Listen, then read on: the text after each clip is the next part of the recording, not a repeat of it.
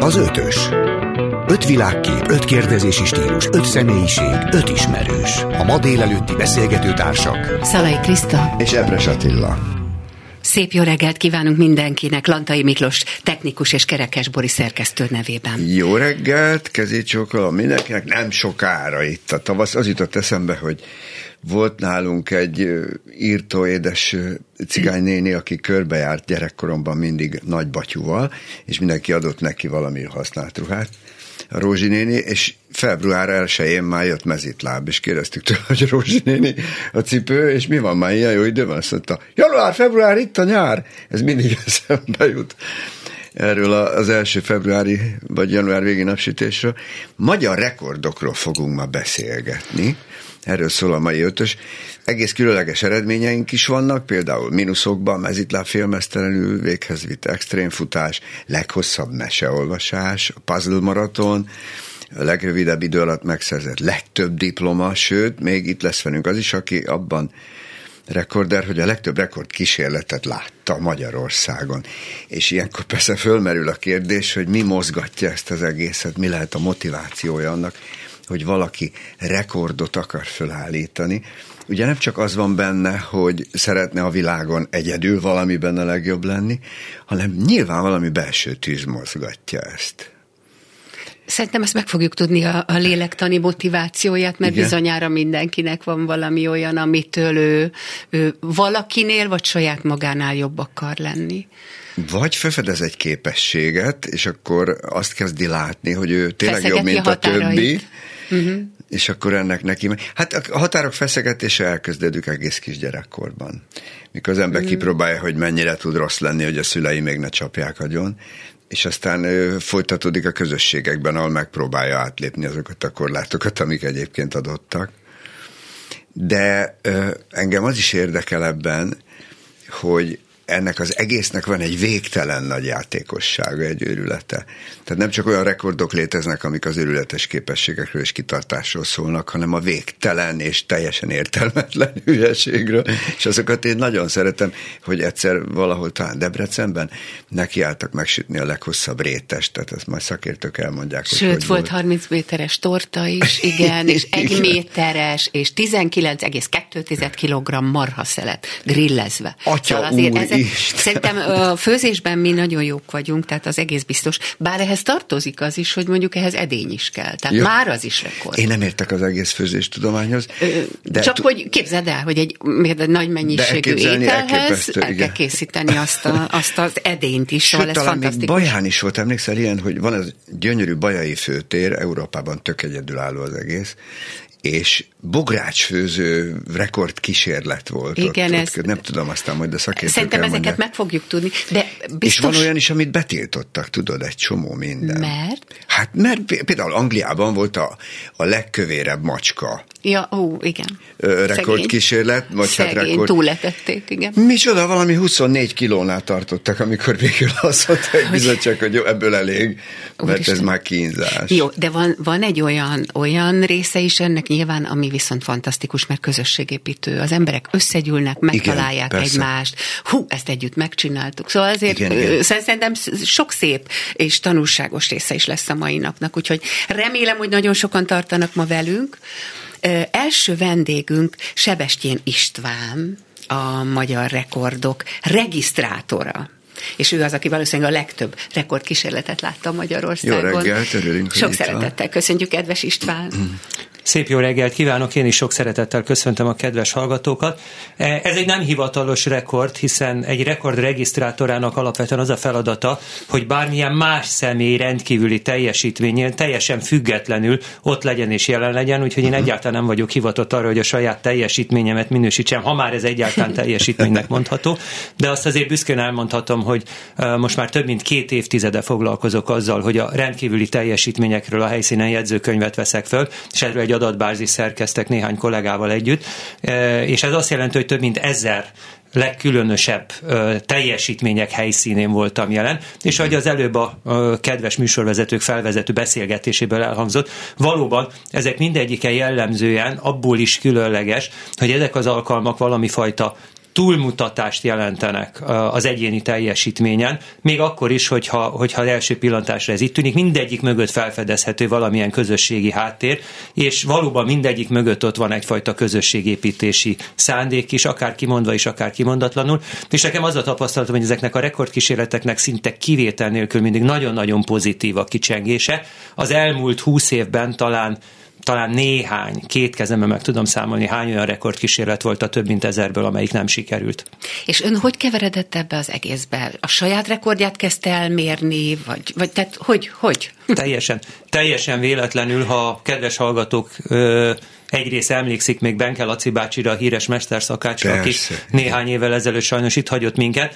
Valamikor az ezeret forduló tájékán Laci bácsi készített először gasztronómiai rekordot Magyarországon, amely végül is aztán elég hosszas küzdelem után a Guinness rekord lett, amiben elég sok feladat jutott a számomra is, de egy biztos, hogy Laci bácsi óriás pörköltje, ami akkor 7000 adagos volt, és több mint egy tonna alapanyagból készült el, az nemzetközi hírnévre tett szert, és hát a gasztronómiai területén mindenki Laci bácsit ugye kérdezte meg, hát ismerte is őt, hogy hogyan sikerült neki Igen. ezt a Guinness elismerést megszereznie, hmm. és hát aztán mindenki hogy rámutogatott, hogy én segítettem neki ezt ügyintézni. Igen. Aztán kiderült, hogy ezt a rengeteg fajta gasztronómiai rekordszándékot, ami akkor a szakácsok környék, körül kibontakozott, ezt, ezt a londoniak nem fogják megérteni, és, és kiderült, hogy nekünk magyaroknak az a fontos, hogy mi saját magunknak, egymásnak itt mit tudunk megmutatni, ami nekünk fontos, Igen. és ez tulajdonképp független teljes mértékben a londoni könyvkiadótól. Így született meg a, az önálló magyar rekord adatbázisnak, illetőleg a rekord jegyzőkönyvezetésének a, uh-huh. a, a, az alapja és a története. Nem vagyunk ebben egyedülállóak, tehát a szomszédos országokban is jellemzően egyesületi formában működnek, megszállott rekord adatgyűjtők. Van olyan, úgy tudom például Csehországban, ahol akár egy kétnapos fesztivált is szerveznek az ilyen rekord döntéseknek. Sajnos mi még nem tartunk itt, eléggé hányatott a sorsunk, nem csak nekünk, mint egyesületnek, hanem lehet nekünk magyaroknak is. A Covid nem tett jót a, a nagy rendezvényeknek, de most úgy látszik az idei esztendőben örömmel jelenthetem, hogy az embereknek ismét visszajött a kedve rendezvényekre járni, eseményeket szervezni, és rekordokat döntögetni. De akkor bocsánat, ez nem azt jelenti, hogy, hogy külföldi rekordokat akarnak megdönteni. Tehát bőven elég, hogyha hazai pályákon valami nagyot hoznak létre. Elég? Én azt gondolom, hogy igen, hiszen a mi adatbázisunk arról szól, hogy a magyarországi rendkívüli teljesítmények hol tartanak. Van jó néhány olyan rekordkategória, mondjunk példát, ilyen a tömegszerűségi rekordok kategóriája, ahol ugye az az általános jellemző, hogy egy adott helyszínen nagyon-nagyon sok ember összegyűlik, igen. és csinál valami nem hétköznapit, valami rendkívülit. Hát például ebben a kategóriában, világviszonylatban tekintettel a valamivel több mint 9 milliós népességünkre, nekünk gyakorlatilag esélyünk sincs egy 1,4 milliárdos Kínával szemben. Tehát én azt gondolom, hogy, hogy ilyen szempontból, ami önálló nemzeti rekord adatbázisunk, az igenis megállja a helyét. De például a Critical Mass-ban úgy emlékszem, hogy világszinten is elég jó tömeget gyűjtöttünk össze a, egy, egyszerre együtt biciklizés városi tüntetés kategóriában. És ugye annak idején, amikor Laci bácsi szakácskodott, volt nekünk egy fekete Lacink is, aki talán Guinness rekordot is tudott dönteni, mint a világ legerősebb embere. Vagy, a, vagy nagyon a környékén volt. Így van, vannak néhányan magyar rekorderek, akik egyébként a londoni könyvkiadó figyelmét is felkeltették, uh-huh. és megkapták a, az ő elismerésüket. A kettő egyébként többé-kevésbé független egymástól. Van azért néhány olyan hazai rekorderünk, aki a magyar rekord jegyzőkönyve alapján végül is kiverekedte magának a, a Guinness rekorderok levelet és az elismerést, de nem túl sok van ilyen. Miután a hazai rekordoknak egy jelentős része gasztronómiai, uh-huh. nagyon nehéz a magyar ételspecialitásokat mondani, mondjuk egy londonival, egy ottani szerkesztővel elfogadtatni, ezért az ő látókörükön ez természetesen kívül esik, de most szerencsére az utóbbi időben elmozdultak a, a hazai rekordok erről a gasztronómiai fókuszról, és egyre inkább uh, megjelentek például a kulturális eseményekkel uh-huh. kapcsolatos rekordkísérletek, ahogy itt ugye bevezetőben is említettük, például a, a folyamatos meseolvasás rekordkísérlete, Igen és így tovább, és hát a tarsolyban a következő néhány hónapban megint megjelentek ezek a típusú feladatok. Mhm. Önnek melyik a kedvence így az ezer rekord között? Hát ez egy tipikus újságírói kérdés, és mindig azt szoktam válaszolni, hogy nekem muszáj függetlennek maradni mindentől és Persze. mindenkitől. Erre az a sablon válasz, hogy természetesen mindig a legutolsó, hiszen az a legfrissebb élmény, uh-huh. amit az ember éppen átél, és ha jön a következő tipikus újságírói kérdés, akkor azt lelövöm, hogy na és akkor melyik lesz a legizgalmasabb, vagy legérdekesebb, az, az meg mindig a következő, mert hogy arra fel kell készülni, és ott valamilyen váratlan helyzetben fogok nem csak én kerülni, hanem természetesen a rekordkísérletező is, és hát ezt mindenféle mindenféleképp okiratba kell majd foglalnunk. Hogy ja. kezdődik ez, hogyha valaki rekordot akar felállítani, akkor kinél jelentkezik erre, hogy aztán regisztrálják? Természetesen nálam olyannyira, hogy az egyesetünk honlapján az én telefonszámom nyilvános, és igyekszem gyakorlatilag nap 24 órájában az érdeklődők Aha. rendelkezésére állni. Rendszerint egy ilyen előzetes, kérdezéses, telefonos beszélgetés szokott kialakulni. Ha már valami olyasmi kategória létezik, amit a rekordkísérletező a fejébe vesz, akkor ennek a második fordulója a meglévő rekordról készült jegyzőkönyvet természetesen elküldöm neki, hiszen látnia kell, hogy mit, milyen körülmények között hogyan kell neki teljesítenie, hiszen csak ezzel tudjuk biztosítani a fair play szabályait. Ha valaki új kategóriában gondolkodik, akkor pedig nekem jön a fejtörés, hogy ezt a fajta emberi teljesítményt hogyan lehet mérni, hogyan lehet összehasonlítani, hogyan lehet korrekt módon jegyzőkönyvezni, hiszen csak az számít rekordnak, ami legalábbis elvileg bárki számára megismételhető, mint kísérlet, megdönthető, és természetesen exakt módon mérhető is. Ugye ezzel ellentétes példa, hogyha valaki beállít, és azt állítja, hogy jövő az ország legszebb rózsája, ezzel sajnos nem tudok mit kezdeni, hiszen ez egy nem mérhető kategória. És volt olyan netán, aki olyan rekordra tört, amit úgy érzett, hogy az veszélyes, és inkább kockáztatja az életét, vagy ilyen nem volt? Azért, azért volt néhány ilyen, hiszen azok a, az emberi fizikai teljesítő képességet karcoló rekordkísérletek, amelyek vagy a sportnak valamelyik nagyon-nagyon speciális szegmensébe tartoznak, és nincsen sportági szakszövetségük, tehát nincsen egy olyan hivatalos szerv, aki ezt nyilván tartja, azok nyilván megtalálnak bennünket, illetőleg hát ezen túlmutatóan is van néhány olyan extrém ötlet, ami, ami belefuthat abba, hogy a, hogy a rekordkísérletező életét veszélyezteti. E, ezeket a rekordkísérleteket én azért annyira rettenetesen nem kedvelem. Nyilván egy sportjellegű rekordkísérlet, ahol egyébként vannak valami fajta sportági szabályok, és kialakult egyfajta szokásjog, ezeknél nyilván a biztonságra is ügyelnek azok, akik ezt szervezik, de, de azokat a kísérleteket, amelyek valóban teljesen nyilvánvalóan a, a, az emberi élet veszélyeztetésével járnak, azokat épp úgy elutasítjuk, mint azokat, amelyek jó erkölcsbe ütköznek, vagy esetleg bűncselekményt valósítanak meg. Nyilván ezek nem lehetnek rekordkísérletárgyai.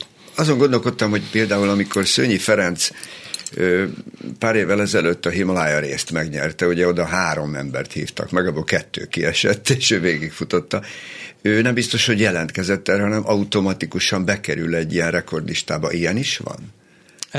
Nemzetközi viszonylatban nyilvánvalóan mi a, az Egyesületen belül ilyet nem vezetünk. Uh-huh. Ezek a fajta sportteljesítmények, vagy például a hegymászás, ahol Igen. van a hegymászó szövetség, nyilván ezeknek megvannak a maga szakmailag is ö, ö, legitim, autentikus szervezetei, Aha. akik ezt, ezt nyilván tartják. Ez nyilván nem a mi területünk, hiszen én mindig azt szoktam mondani, hogy én egyáltalán nem, sőt büszkén mondhatom, egyáltalán nem vagyok semmilyen területnek a, a szakértője, Nekem az a feladatom, hogy amit tapasztalok, azt rögzítsem, és ha ez hmm. valóban rendkívüli teljesítmény, ennek a megítélése, és egyáltalán valami fajta értékítélet alkotása, ez mindig az adott szakmában, az adott sportágban, az adott gasztronómiai szakmában illetékes szakembereknek a feladata, Nyilván, ha, ha ilyen típusú rekordkísérlet, akkor a jegyzőkönyvben szerepelnek azok a szakemberek is, akiknek a véleményét mindenféleképp meg kell kérdezni, és Persze. ki kell kérni ahhoz, hogy egyébként a rekord érvényes legyen.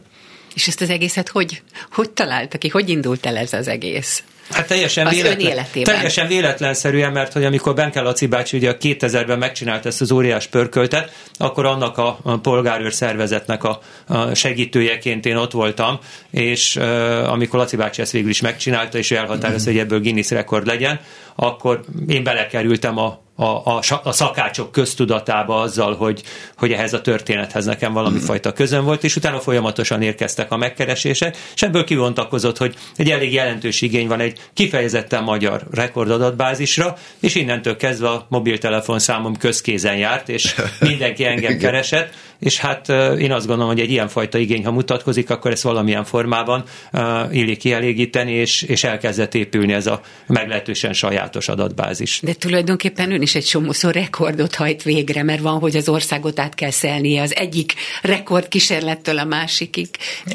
Vagy, vagy például, hogy, hogy oldja meg, ha valaki mondjuk 48 órán keresztül akar vezetni, akkor önnek is ébren kell lenni, vagy hogy? Tehát rekordot. Hát igen, ez egy konkrét példa volt egyébként, hiszen uh, volt egy magyar artista, aki több mint 48 órán keresztül a Kiskunlacházi repülőtéren vezetett folyamatosan autót. Ez ugye az egyéni maratoni rekordok kategóriájába uh-huh. tartozik, ilyenkor az az általános szabály, hogy két tanúnak négy órás váltásban folyamatosan felügyelnie kell a tevékenységet, nekik jegyzőkönyvet kell vezetniük. Ők az én segítőim gyakorlatilag, nyilván az ilyen rekord kísérletnél a kezdetnél, amikor eligazítjuk őket, illetőleg kialakul a rekordnak a, a legfontosabb paraméter, amit rögzítenünk kell, ott vagyok, ott vagyok a záráskor.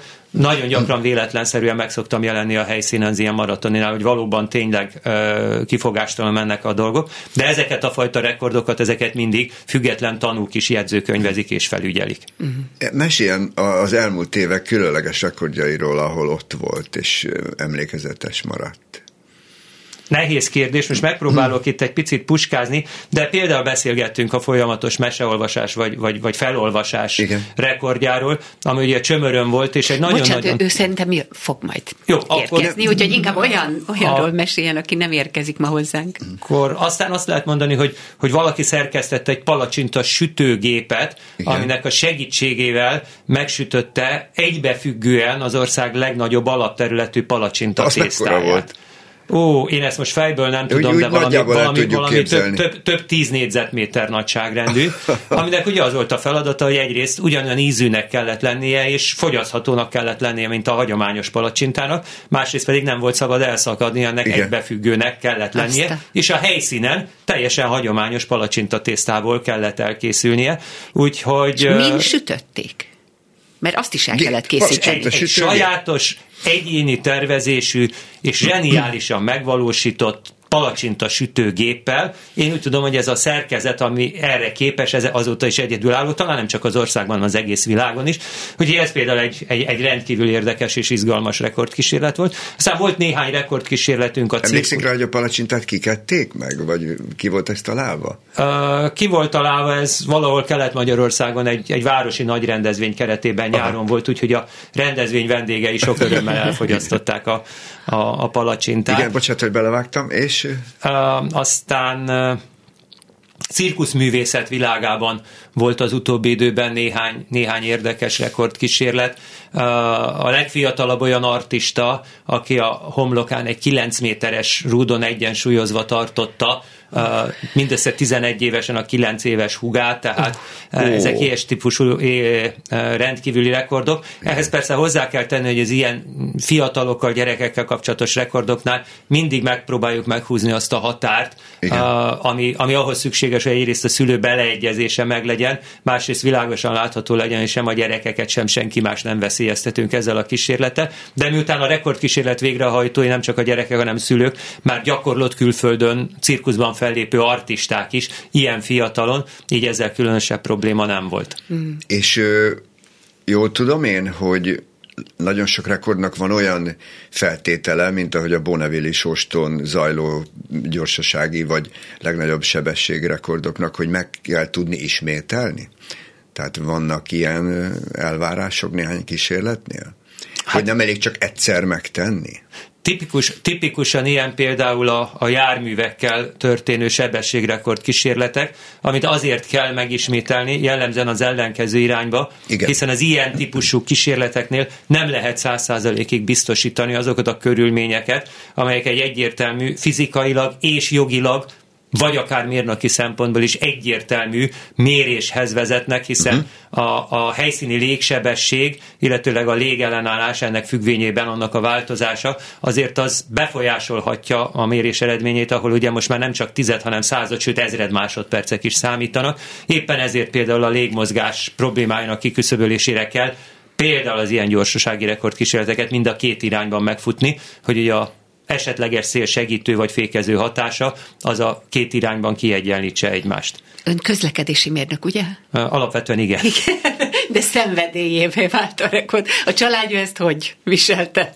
Néha Vagy beállt jól, ön mellé? Néha jól, néha rosszul, beállt mellém természetesen, hiszen uh, többé-kevésbé az is közismert, hogy a feleségem, a segítőm is egy-egy ilyen rekordkísérletnél, uh-huh. tehát a rekordkísérletek jelentős részében uh, együtt dolgozunk, mert magát az eseményt valakinek időnként meg is kell fotózni, uh, közben miközben az alapadatok felvételre kerülnek, vagy éppen valamilyen távolság vagy egyéb mérést hajtok végre, akkor mindig kell, hogy legyen egy segítő, közben, ha valami egyéb esemény van, valakinek a feljegyzést is készítenie kell. Tehát a, a, az eseteknek több, mint a felében azért, azért ketten megyünk ki a helyszínre. Ha ő nem tud velem jönni, akkor általában egy, egy jogász kollégát szoktam megkérni arra, hogy vagy segítsen, vagy helyettesítsen. Az előbb említésre került, hogy van olyan, hogy az ország egyik meg a másik végén kell, hogy rekordkísérletet jegyzőkönyvezünk. Hogy oldjuk meg? Hát erre az a válasz, hogy nehezen. Megpróbáljuk a rekordkísérletet őt rábírni arra, hogy a kísérletét akkor kezdje, amikor reális módon oda lehet érni, és akkor megpróbálom egyedül megoldani a történetet. Ha ez nem megy, akkor, akkor mindig valamilyen ügyvéd vagy jogász kollega segít nekem,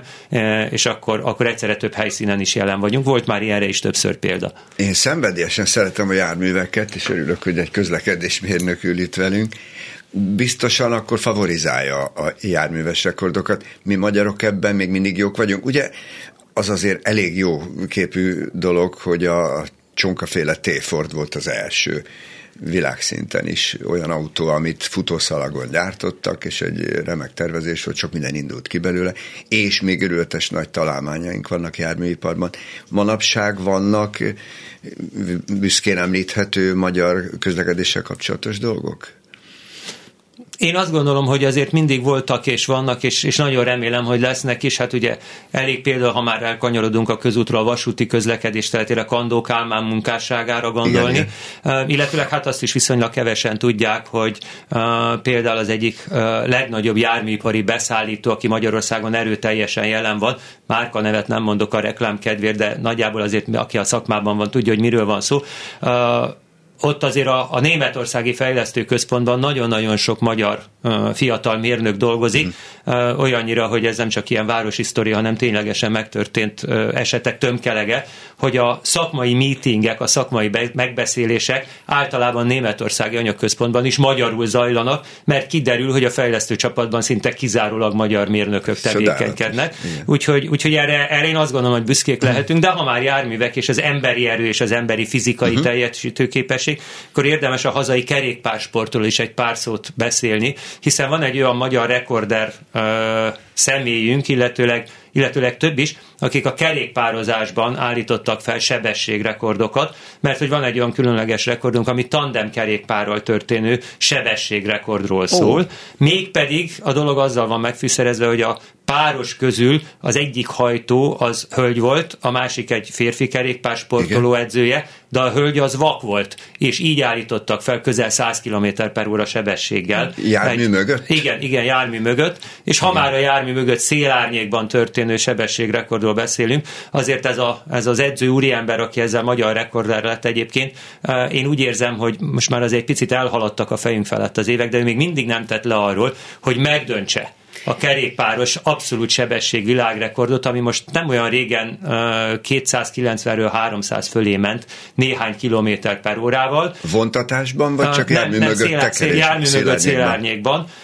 Elég komoly előkészületek is Igen. történtek valamikor még a Covid előtt ebben az irányban, de aztán a végén kiderült, hogy, hogy egy olyan jármű, amelyik ezt a feltételt biztosítja, annak a, a sivatagba való kivarázslása az nem a magyar pénztárcának, nem a magyar gazdasági közegnek, és legfőképp nem a a magyar fizetőképes rekordok ja, mert ez is a Sóston történt Igen, Amerikában. pénztárcájához van szabva, mm. úgyhogy a, a kísérlet az, az annak okán került felfüggesztésre, hogy hát mi magyarok azért szembe kell, hogy nézzünk a, a realitásokkal, Igen. és mint mondottam, volt sem Kína, sem Egyesült Államok nem vagyunk. Éppen ezért aztán egy számos olyan rekordkísérletünk van, hogy meg mi vagyunk sokkal-sokkal jobbak, például többek között a pörkölt főzésben is. Egy-két különlegeset, vagy még esetleg egy Sajnos nagyon különlegeset. Tudna mondani? Van. Például itt látom, hogy volt egy lábzongora, dekázás, dobos rekord. Igen, hát a, a, a legutolsó rekordok között valóban uh, egy lábzongor, egy olyan szerkezet, amely a földre lehelyezve és uh, rajta ugrálva a zongora billentyűknek megfelelő jeleket adott, ezzel vezérelték a uh, Balatonboglári templom orgonáját, és adtak így ugrálva koncertet, de ami most egyébként szintén kulturális vonatkozású rekordkísérlet, és épp a jövő héten szerdán fogok ellátogatni Nyergesúrfaluba, ahol a leghosszabb emberi élőlánc által megtörténő könyvpakolás rekordját fogják felállítani. Hát ez mert egy egész, egész helyi könyvtárat fognak áttelepíteni, több mint egy kilométer Szuper. távolság. Nagyon sok sikert kívánunk, szépen. és köszönjük szépen, hogy eljött. Köszönöm szépen én is. Viszont. Az ötös. Sokaknak már maga a futás is extrém. De itt van velünk Szilágyi Zoltán, extrém futónak ki kiáltott, többszörös rekorder, sőt a saját rekordját is megdöntötte. Kedves Zoli, nem, hogy te mitől vagy extrém, azt mondd el inkább te. Igen, sziasztok, Készcsókom, a néző, a hallgatóknak is, és nektek is. Én a normális távokat, meg a normális körülményeket fejelem meg azzal, hogy extrém körülmény között, extrém távon, extrém módon futom le őket. Biztos ez... emlékszik még a világ arra, hogy volt egy Abebe Bikila nevű csodálatos maratoni futó, aki mezitláb futott, és így is nyerte meg a macska kövön zajló római maratont. Te ilyen nagy elődöket tekintettél, amikor elhatároztad, hogy ez lesz?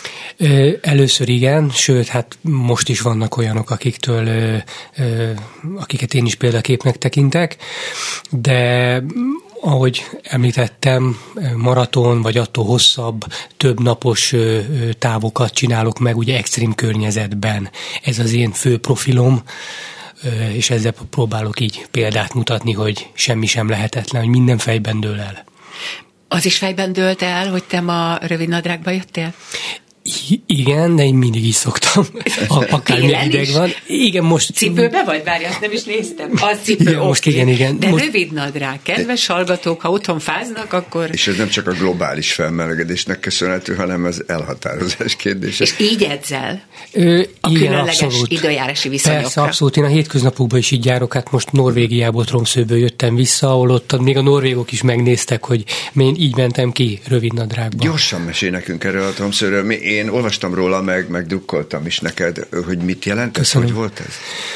Norvégiában két éve rendeznek maratoni távon egy extrém futóversenyt. Tehát a sarkörön túl, hogy igen, igen, a igen, persze természetesen. Ez Tromszőbe, Tromsző városa, az északi sarkkörtől még északra 300 kilométerre fekszik ez a kis csodálatos kisváros, ahol futóversenyeket rendeznek, de a maratont azt két éve rendezik, mert olyan nehéz és olyan szélsőséges körülmények között zajlik, hegyekből oda felszállítják az embereket busszal, és onnan kell visszafutni a városba. És repül a jég. Hát iszonyatosan erős szél, mínusz 10 alatti hőmérséklet, 30-40-es szél, sötét, hegyek, jeges úton, Szóval, ami nehézség lehet, az benne van, és én ezt most így félmeztelenül rövid nadrágban teljesítettem. És azért elkerekedett a szem a versenytársaknak, amikor Nekem megtudták, is. hogy egy őrült magyar kitalálja ezt, hogy félmeztelenül megy neki. Úgy tudom, hogy elég komoly tisztelető vezet ebben az ügyben, és segítőkészség. Köszönöm szépen, igen, igen, szerencsére nagyon-nagyon elismertek a norvégok, ott a rajtnál be is mondták a nevemet, hogy itt igen. a magyar extrém futó, aki, aki megpróbálkozik ezzel, amit még senki.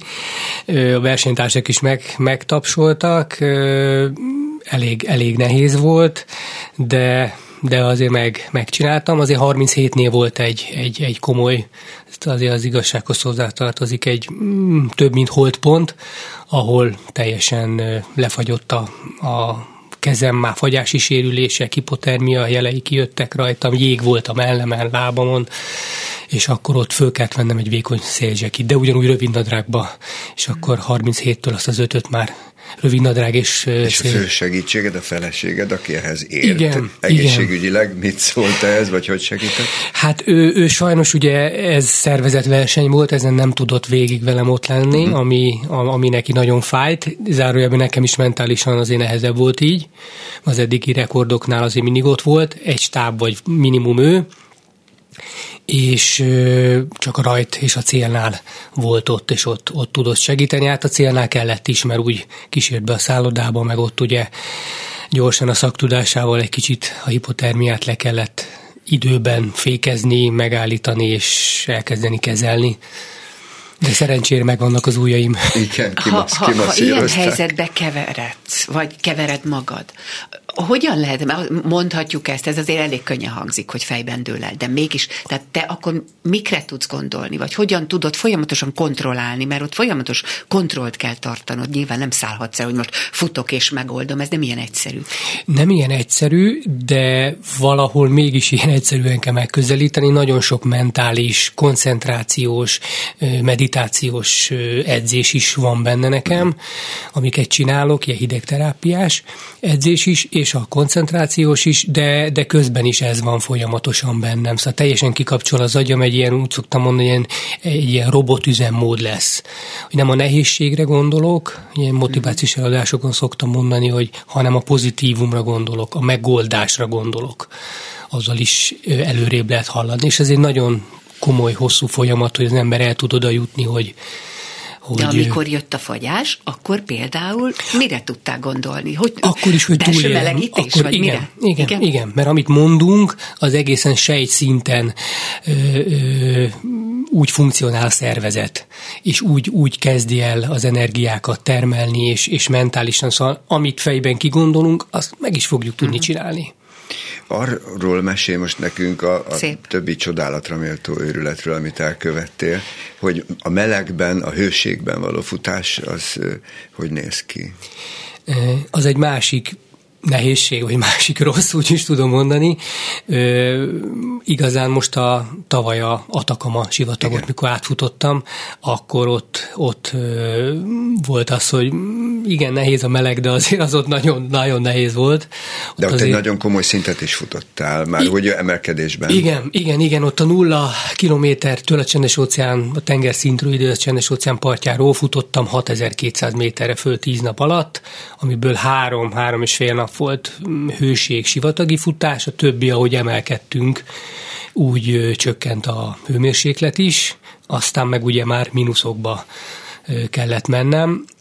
Hát a melegre ugyanúgy készülünk, egy idézőjelbe, ahogy a hideggel készülök, ugyanúgy készülök a meleg is, és amikor nyár van, akkor ugyanúgy készülök a hidegre is, mert mind a kettő egyfajta, egyfajta tűrés határt, egy tűrés pontnak a kitolását, egyfajta mentális készséget fejleszt. Csak az egyik hideg, másik meleg. Zárójában a meleget nehezebb elviselni. De Sokkal ott, nehezebb. ahogy futottál fel a hegyre, úgy tudom, hogy nem hagytak végig félmeztelenül futni. Nem, nem. Melyik nem, szinten volt kötelező felöltözni? Hát idézőben nem volt kötelező, de ott is de olyan... élettanilag igen. igen. Olyan, olyan borzalmas szél volt ott is, mindig olyan 30 fölötti kilométer per órás, hogy körülbelül olyan 3000 6-700-ig mentem, rövid nadrág félmeztelenül. Ott már bőven hó volt. Ö, ott még nem volt. Ott még nem? Ott még nem volt, nem volt. Az, az alaptábornál láttunk először úgy igazán havakat, az 5200 méteren. Uh-huh. Úgy az föld legkietlenebb, legszárazabb ö, területe ez az Atakama ami azért tudni kell, hogy ugye velem volt a Nagy Balázs docens, aki mint mint irányító, mint helyi serpa, mert ő ott kutatásokat is végez. Már többször volt fönt a csúcson is. És, Ez egy szép vulkáni hegy, mi a neve? Oyoz de Salado. Oyoz de Salado. Uh-huh. Tehát Igen. Valaminek a szeme. Igen, igen, igen, igen, igen, a föld legmagasabban fekvő, még aktív vulkánja, szerencsére most nem volt aktív, ugye azért ezt ilyen igen. évszázad, évezredekre mondják ezt az aktivitást, hogy, hogy ő, ő, ő segített sokat, és hát ilyen 3000 6-700-nál kellett fölöltöznöm, de az alaptáborig is rövidnadrágban jutottam föl. És mi a hétköznapi foglalkozásod, ha, ha neked van még ilyen? Mm, van, igen. Most a, a mm, honvédségnél dolgozom, és, és ott próbálok mindenféle kiképzéses, oktatásos dologban részt, részt menni. És ott működik az, hogy végül te csiki-csukin működsz, mert időnként elmész edzeni. Ő szerencsére, igen, ott, ott benne, benne van a egy óra napi sport. Most mondjuk éppen úgy néz ki, hogy honvédelmi alkalmazottként átavanzsálok, de hát ez egy más technikai kérdés, de uh-huh. a lényeg az, hogy az ő kereteim belül vagyok egyelőre most még. Nem tudom, láttad de a, a, a Niád című gyönyörű filmet, ami a hosszú távú szónőről szól, aki átúszott Kubába sokszoros rekordkísérlet során, 60 valahány évesen sikerült neki az végül. Gyönyörű film, érdemes megnézni. Ö, ott is azt látjuk, mint ahogy nagyon sok ilyen rekordkísérletnél, hogy ez nem egyéni sport, ezt kevesen tudják. Erről kicsit mesél nekünk. Persze, igen, ugye tízőben egyénileg csinálom meg, de ehhez kell egy csapat kell egy háttér, nagyon fontos. A párom, aki ugye, ahogy említetted, ő egészségügyben dolgozik, ő mentőtiszt, Lenkei Alexandra, ő nagyon-nagyon sokat segít. A teljes kontroll, a, a fizikális, egészségügyi részében ő, ő tényleg minden rezzenésemet tud, hogy mikor vagyok fáradt, mikor kell esetleg szólni, hogy ezt vagy azt csináljak, fokozzam vagy csökkentsem. Aztán van mellettem egy, egy orvos is, aki, aki nagyon sokat segít, dr. Szalai Gábor, orvos, főorvos úr, aztán van még ugye a, most például ugye az Atakamánál volt a Nagy Balázs docens, aki az eltének a klímakutatója, hmm. geográfusa. is vannak Abszolút, ez, ez, ez, csak szakemberekkel lehet, csak Igen. szakemberekkel lehet, és akkor volt ugye, itt visszatérve az Atakamára még egy segítő, egy fiatal geográfus hallgató, pont a Balázsnál végzett, aki egyben ö, válogatott terefutó is, ő, oh. ő az Iván Levente, aki segített nekem nagyon sokat, meg a táborépítésben a csapat tagja Igen. volt. Most csak két híres futásodat említettük. Légy szíves, mondd el azokat, amik még emlékezetesek, és büszke vagy rájuk. Igen, az első az az volt, amikor a Mátra csúcsfutás ugye nyáron szokott lenni, ezt mindenki mhm. ismeri, ez egy nagyon jó bakancslistás, elég így magyar viszonylatban is egy jó kis extrém futás, ugye ez 11,6 kilométer, nyáron 671 szintkülönbséggel, azért ez egy szép történet, de én azt gondoltam, hogy ezt megcsinálom télen is, és oda-vissza, hogy fölfutok, megérintem, és egyből hát vissza, pihenés hát nélkül, mínuszban, rövid nadrágban, félmeztelenül.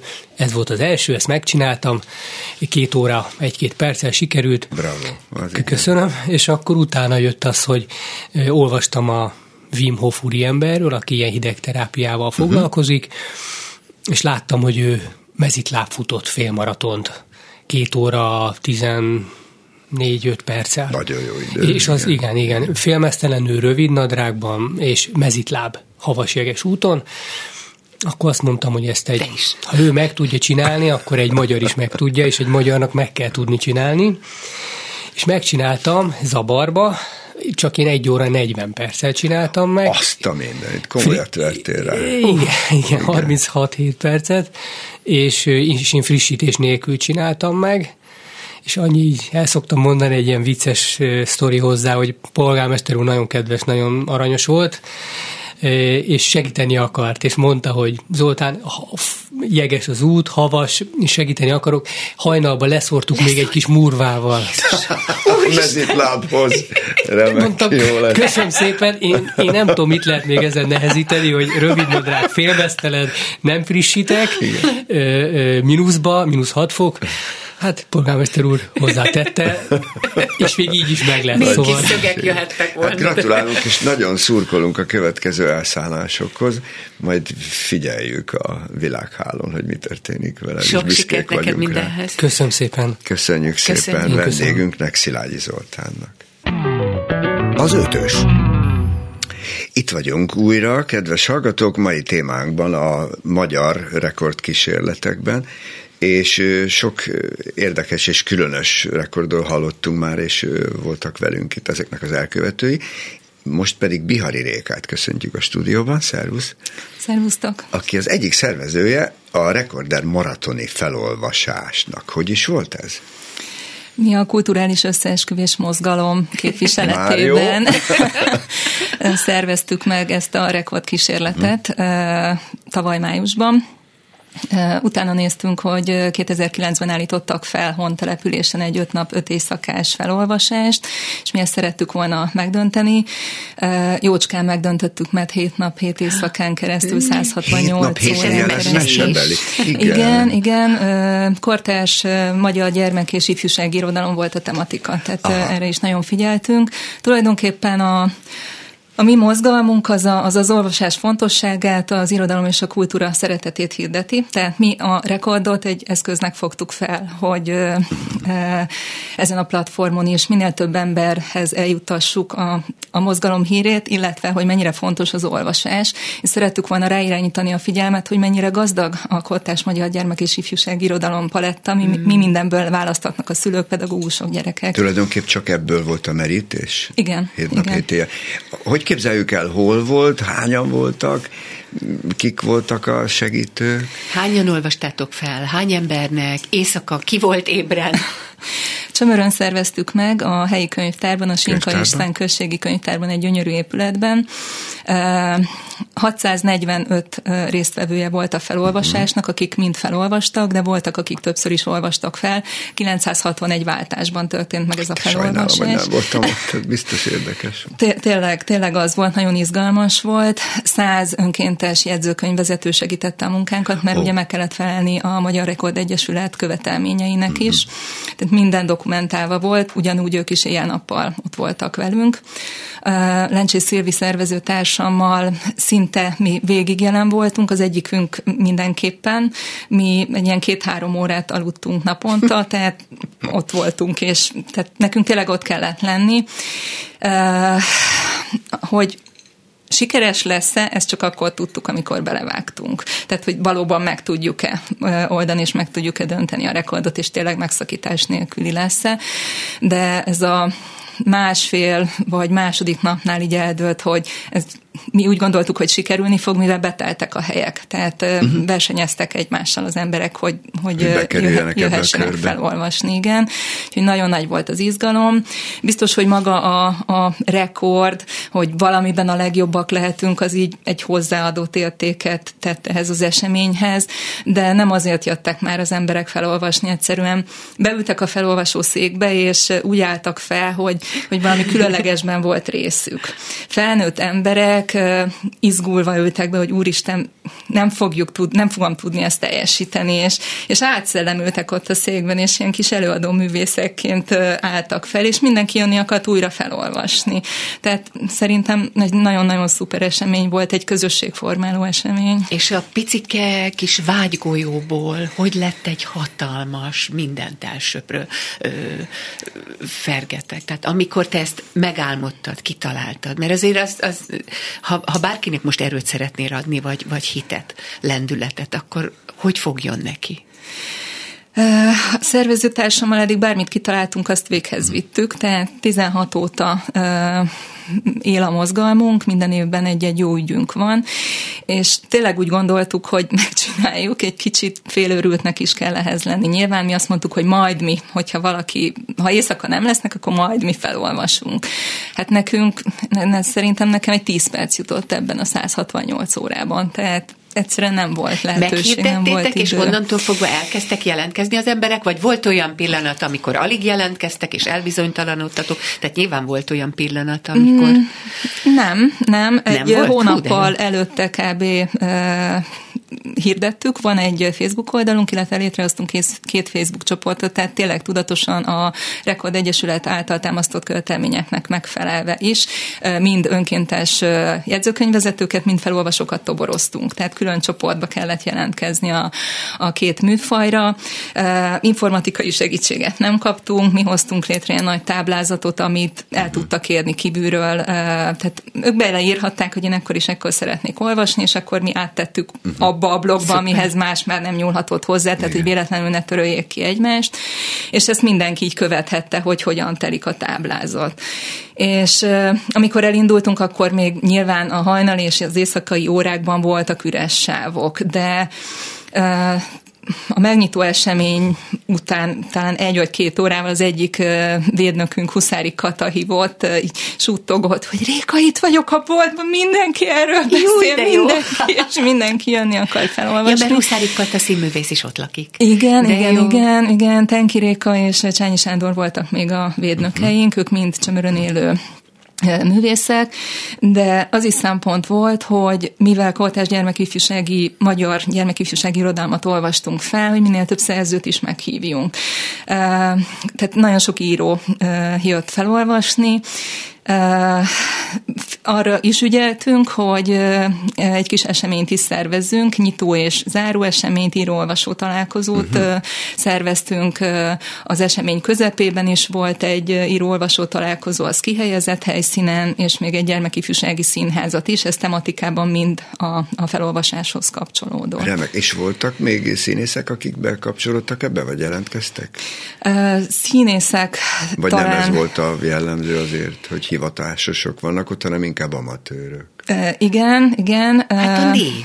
A, igen, tehát igen, a nép, a csömöriek, és nem csak csömöriek, hanem ez, ennek külön bája volt, hogy teljesen ismeretlenek, Kecskemétről, Szexádról jöttek felolvasni. Volt olyan jegyzőkönyvezető, aki Szexádról jött, hajnalban, éjféltől négyig jegyzőkönyvet vezet. Csak azért jött, csak hogy jegyzőkönyvet Senkit nem ismer. Tehát nem, nem is értettem. és nagyon-nagyon jó élmény volt, hogy a színész, Vecsei Hámiklós Hasi is jött még felolvasni színész, és az írók is hát nagyon boldogak voltak, hogy hát a saját uh-huh. könyveiket uh, olvashatják fel. De az jellemző volt, hogy ők a saját írásukat olvasták? Igen, igen, igen, igen. igen. Hogy választottátok ki ezt a rengeteg anyagot, mert hát hét napra az az bőven. Mindenféleképpen ügyeltünk a minőségre, illetve arra figyeltünk még, hogy a korosztályi besorolás az, az megfeleljen a napszakoknak, tehát a, a nappali Aha. órákban inkább gyermekirodalom, éjszaka viszont minden, ami formabontó és probléma megoldó ifjúságirodalom, tehát nem féltünk semmit behúzni. Összesen hány könyvből olvastatok fel? Uh, tehát a hét napra való, az hány könyvet adott? 495 műből olvastunk 495. fel részletet, csak de... magyar? Csak magyar uh-huh. csak magyar, ebben, ebben novellák és versek is szerepelnek. Itt tényleg az volt a, a cél, hogy, hogy minél, minél többet megmutassunk, minél több művet megmutassunk. Minden nap feltettük a, a Facebook oldalunkra, hogy aznap mi volt a termés, tehát ezt mindenki meg tudta nézni, hogy mely könyvekből olvastunk fel. Lehetett követni a Facebook oldalunkat, és hát fantasztikus, hogy utána jöttek a, a, a visszajelzések, hogy jó, én ebből a könyvből olvastam fel, meg tudnátok mondani pontosan akkor a, a szerző nevét és a, a könyv címét, és e, e, szeretném megvenni a gyerekeimnek, mert annyira klassz volt. És nyilván ezt látja az író is, ő is örül neki, tehát, hogy na- nagyon-nagyon sok jó hozadéka volt. A helyi általános iskolából 295 gyerek olvasott fel, tehát ezt nagyon szervezetten megoldottuk, hmm. hogy minden délelőtt jöttek csoportosan felolvasni a gyerekek. Nyilván az osztályból nem mindenki olvasott fel, aki nem olvasott fel, az hallgatta a társait és hát utána a pozitív hozadékat, tehát hogy például titkos könyvklub alakul az udvaron a plakánfa alatt, vagy az egyik másodikos osztály már május végére befejezte a tanmenetet, és megkérdezte a tanítónéni, hogy mivel foglalkozzunk a hátralévő időben. És ők azt mondták, hogy úgy szeretnének felolvasni, mint a könyvtárban, a táblához oda vittek két széket, és leültek, és felváltva olvastak fel. Hát tehát, most remek. kezd kibontakozni, hogy azért ez nem Pitján szervező munka volt, ami itt végbe ment, de biztos vagyok benne, hogy aki, aki ezt véghez vitte, te régóta kapcsolatban vagy a könyvekkel. Hogy kezdődött ez? A lányom révén egy, egy kislányom van, aki most 15 és fél éves. Nekem nagyon fontos volt a, az olvasóvá nevelés picikorától kezdve, uh-huh. és a szervezőtársam pedig a lányomnak a, az osztályfőnöke. És ő szerencsére ugyanolyan elveket van, mint én, nagyon-nagyon nagy hangsúlyt fordított az osztályban az olvasásra.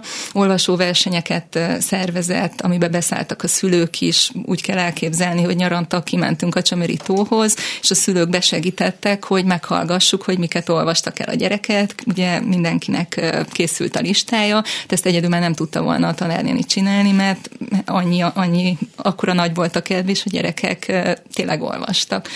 És pozitív értelemben versenyeztek. Csodálatos. Mit szólnál hozzá, hogyha javaslatot tennénk, akármilyen magas szinten, hogy vezessük be a felolvasás gyakorlatát, akármilyen közösségekben. Gyorsan elmondom a sztorit, hogy a, hogy hívják a leghíresebb kubai szivart és miért. Rómeó és Júliának hívják például, Azért, mert a kubai dohánygyárakban mindig felolvasás volt, miközben az asszonyok tekerték a dohányleveleket. Oh. És a legnagyobb Szép. kedvenc Shakespeare Romeo és Juliája volt. Az egész világirodalomból. Most azért is meséltem el ezt, hogy ö, nem csak szerzőknek volt ez nagy dolog, és, és nagyon hizelgő, hanem kiadóknak is lett ennek valami folyamánya, vagy előzménye?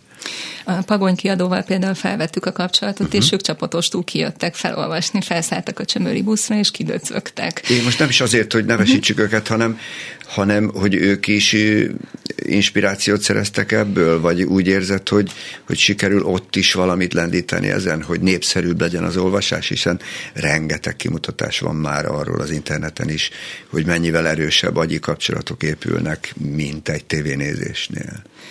Én bízom benne, az írókon keresztül sok kiadóval közvetlenül kapcsolatban nem vagyok, de többel igen.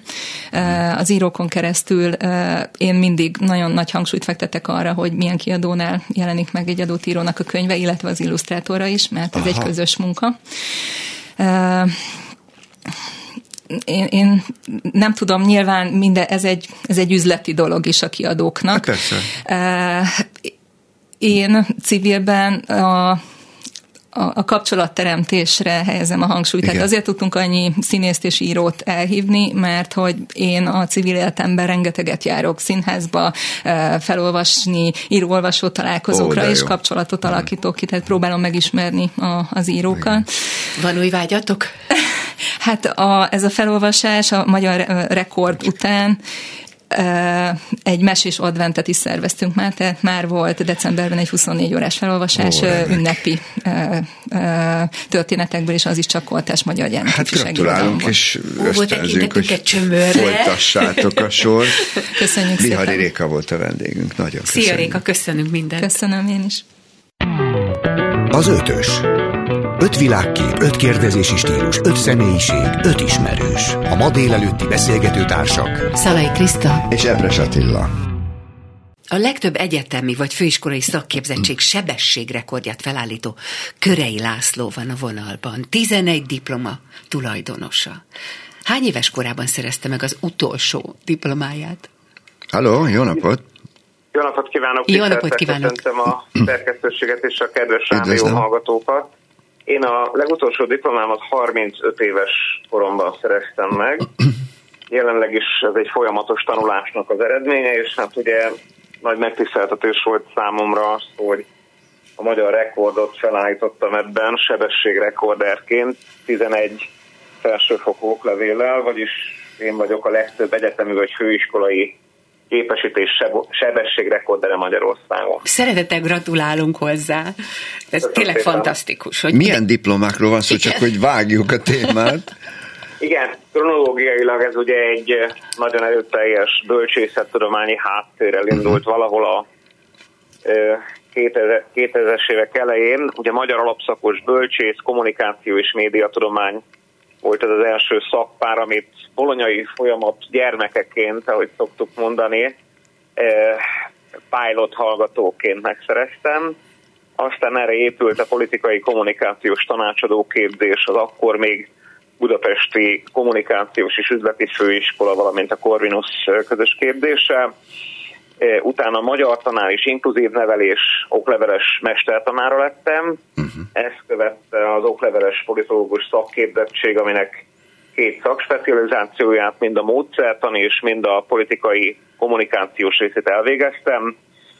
utána egészségfejlesztő mentálhigiénés szakember lettem, ezt követte a település és területfejlesztési menedzsment, tehát a gazdás irányba is, is nyitottá váltam. Utána a történelem tanár és állampolgári ismertek tanára, majd fejlesztő pedagógus, aztán diplomás kompetenciafejlesztő tréner, business coach, és most amire a legbüszkébb vagyok, ez a legfrissebb, ez a Károli Gáspár Református Egyetemen a gazdaságpszichológiai, üzleti, etikai és szervezeti önismereti szakemberképzés. Ugye képzőhelyeim közül ugye horizontálisan, vertikálisan azt mondom, hogy a, az országot igyekeztem lefedni, mert a vidéktől egészen a főváros neves egyetemei, Corvinus Egyetem, BGM, Károli Közszolgálati Igen. Miskolci Egyetem, illetve a Nyíregyházi Egyetem voltak a képzőhelyeim. Hát bravo, gratulálunk. Ez azt jelenti, hogy öntől bölcsészet és társadalomtudomány területen nehéz olyat kérdezni, ahol nincs otthon. Lehet, hogy csoda gyerekként indult ennek a gyorsaságnak, már korai nyomai voltak? Én inkább úgy fogalmaznék szerényen és mértéktartóan soha nem voltam csodaderek, valamiben mindig egyedi voltam. Tehát ez a nyitottság, ez a, a gyors tanulás és a hatékony tanulás technika, erre nagyon-nagyon hálás vagyok a nagyszüleimnek, illetve a szüleimnek, mert az élet nagy dolgaira ők tanítottak meg igazán. Egyébként hová valósi, ha megkérdezhetem? Én Nyíregyháza mellett uh-huh. egy kis településen, Tiszelökön születtem, ott dobban a szív. Az észt az Nyíregyháza felé haladt, és a fővárost is megjárta, de hazajöttem Nyíregyházára, és azt mondom, hogy haza a Nyíregyháza, mert a főállásom a Nyíregyházi Egyetem, ahol központvezető egyetemi oktató vagyok, a mentálhigiénés központot vezetem, de a mhm. történettudományi intézetben vagyok akadémiai profilban, és nagyon fontos missziómnak tartom a vidék értelmiségének a képzését itt ebben a régióban, ahol élek, és abszolút nem voltam csoda gyerek. A műszaki, illetve az IT kompetenciákat, azokat mai napig is igyekszem fejleszteni, mert ezek azok a skillek, ahol úgy érzem, hogy hiányosságom van, de az ember nem tudhat mindent, és jó, hogy hagyunk másnak is területet, felületet a tudományok megismerésében és művelésében. Ami viszont elsajátítottam, az mindig az emberhez, az ember közeliséghez, illetve a társadalom megértésének folyamataihoz vezető utak. És hát egy örök mércém az, mert um, pedagógusnak vallom magam ízig-vérig, hogy Széchenyi fogalmazta meg, a jövő nemzedéke hadd menjen egy lépéssel közelebb a világosság felé, Ebben kívánok én egy eszköz lenni. Számomra ez egy fontos zsinórmérce a fejlődésben. Fantasztikus. Amit, amit mond, igen, és ez, és ez nagy szerénység is, hogy nem, nem az a célja, hogy most legyen még egy diploma, vagy még egy diploma, hanem egyszerűen csak a vágya hajtotta. Az a vágy... Abszolút, és a tartalom, és a tartalom, a mögötte lévő megismerhetőség az új, és az, hogy nyilván magam számára, meg a szűkebb és tágabb környezetem számára hogyan tudok ebből olyan tudástranszfert közvetíteni, megosztani, amelyből valami épül, mindig ez vitt előre. Igen, pont ezt akartam kérdezni, hogy nincsen még egy olyan magasabb szintű vágya, ha már, hogy, hogy a, amit, amit meg is fogalmazott, hogy a világot, vagy a, vagy a magyar gyerekeket úgy segítse, a tanulás segítés, amit, amit megfogalmazott, hogy sajnos sokkal, tehát hogy rájött arra, hogy sokkal könnyebben is lehet tanulni, mint ahogy sokan küzdenek abszolút, vele. Abszolút így van, és én eh, hiszek a kritikai gondolkodás szabadságában, és a, a jövő értelmiségé úgy képződik, hogy képes reflektív módon gondolkodni, kritikusan áll a világhoz, eh, nem passzív befogadó, hanem reflektív személyiségé válik, tehát érdeklődésben tartjuk. Azt szoktam mondani a hallgatóimnak, hogy még azt se higgyék el teljes százszerzalékban, amit én mondok, mert van egy másik tudományos narratíva, meg egy harmadik, meg egy negyedik. Tehát nagyon jó dolog egy kánonban lenni, és nagyon jó dolog ilyen szempontból a pluralizmus. Hát ennek az időszaka látjuk, hogy most valamilyen szinten nem a virágzását éri, de azért reméljük, hogy a jövőben 5-10-20 éven belül olyan társadalmi folyamatok is lesznek, hogy nagyobb igény lesz a kritikai gondolkodásra. Én ebben hiszek rendületlenül. Nagyon jó, hogy ezt említi, hiszen küszöbön áll, vagy, vagy hát elvárható volna, hogy most már átlépi a küszöböt a pedagógiában is egyfajta forradalom, hiszen a, a skandinávok vagy a Benelux államok már rég előre mentek ebben. Mit szól ehhez a dilemmához, vagy mit gondol róla, hogy a régről örökölt, és egyébként egész jól működő hogy is mondjam, csak memoriter alapú porosz típusú oktatást fel kell, hogy váltsa valamilyen sok szempontú, egész más vonalon, nagyobb spektrumon mozgó oktatási módszer. Igen, igen. Én ebben azt gondolom, hogy fontolva szükséges haladni. Tehát az elmúlt éveknek, évtizedeknek a magyar köznevelésben és a magyar felsőoktatásban is voltak olyan tradíciói, olyan értékei, amelyeket mindenképpen be kell építeni a jövő tervezésben. Ez nagyon fontos dolog. Viszont nyitottabbá vált a világ, haladni kell a korral, az IT kompetenciák fejlesztése, azon hard, illetve soft skilleknek a fejlesztése, az mind-mind feladatunká vált a köznevelés valamennyi rendszerében, illetve a felsőoktatásban, amivel a 21. század emberét építjük, fejlesztjük. Én magam ebben egy konzervatívabb álláspontot képviselek, én nagyon hiszek a tudásban, nagyon hiszek a, a műveltségben, tehát ez elengedhetetlen. Nem lehet csak azzal egy gyermeket ö, ö, számogatni, hogy jó, akkor megnézzük, hogy hogyan tudunk segíteni abban, hogy neked úgy legyen könnyebb, hogy kevesebbet kelljen teljesíteni. Uh-huh. Hát én egy olyan központot vezetek, ahol hátrányos helyzetű, illetve fogyatékkal élő hallgatóink is vannak, és mindig azt mondom, hogy az esélyegyenlőségnek nem ülhetünk fel a fordított lovára. Nagyon fontos a teljesítmény, nagyon fontos a tudás, a cél azonos, az út viszont egy picit más. Tehát szociálisan ebben segítünk szerintem a legtöbbet egy embernek, hogy megtanítjuk küzdeni, hogy megtanítjuk értékelni azt, hogy a tudás, amit megszerzett, alkalmazhatóvá válik, és hozzásegítjük ehhez a magunk eszközével, Szerintem ez a jövő oktatásának a kulcs kérdése, és én magam is alkalmazom és használom a mesterséges intelligenciát csinyával, hogy szoktam fogalmazni szükségesként, néhány etapként, viszont nem szeretnék egy olyan világban élni, ahol a mesterséges intelligencia annyira primátus szerez, hogy a természetes unintelligenciával társul, és hát látjuk a kompetencia mérések eredményeit, látjuk azt, hogy bizony-bizony az alkalmazó tudás azért az nagyon szükséges, ahhoz, hogy a világban a fiatalok tudjanak jól boldogulni, és ezáltal megértsék azokat a folyamatokat, amelyeket ők körülveszik. Tehát nagyon fontos, hogy ebben fontos a gondolkodás az oktatási szakembereknek, a döntéshozóknak és a társadalmi párbeszédnek az erejét látom a jövőben meghatározónak ebben a kérdésben. Mint szülő kérdezem öntől, amikor a fiam tíz éves volt, egyébként egy nagyon értelmes, nagyon aktív, nagyon okos és kombinatív gondolkodású fiú volt, Igen. nem hajtott a tanulásban, és próbáltam hajtani, majd egyszer csak megszólalt, szerintem iszonyatosan bölcsen, hogy mama, hagyjál, hogy legyen jó gyerekkorom. És hát én igen. ezt hagytam, és nyolcadikban tényleg úgy belehúzott, hogy neki lett a legjobb eredménye, mert addigra ért meg. Tehát igen. amit mond, hogy, a, tehát, hogy a, a gyerekeket azért a teljesítményközpontúságra hajtani kell, vagy nem kell hajtani?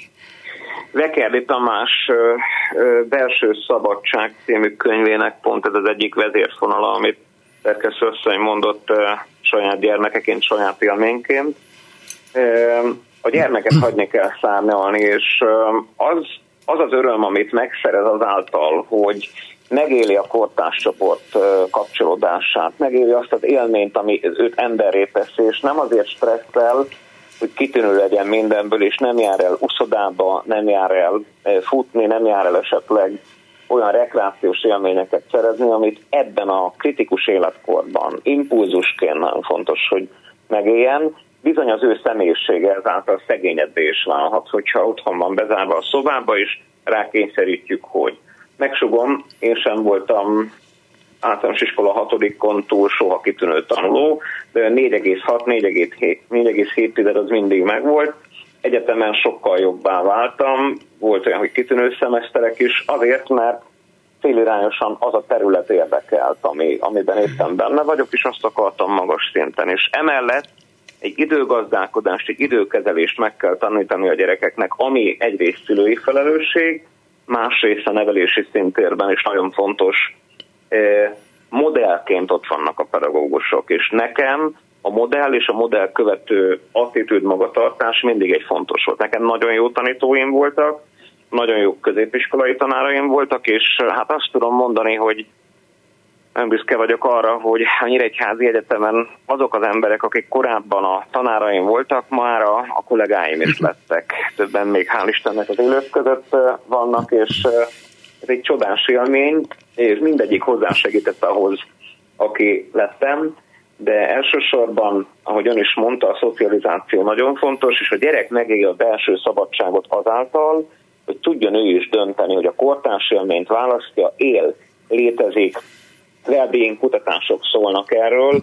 Nemrég írtam én is egy könyvet, Csepeli György professzor úr lektorálta a Kossuth kiadó gondozásában, munkahelyi és szervezeti mentálhigiénia címe. Pont erről szól az egyik alszegezet, hogy éppesben épp lélek, a megélt pillanatoknak, a megélt élményeknek, a megélt időnek az öröme. Ezt jelenti.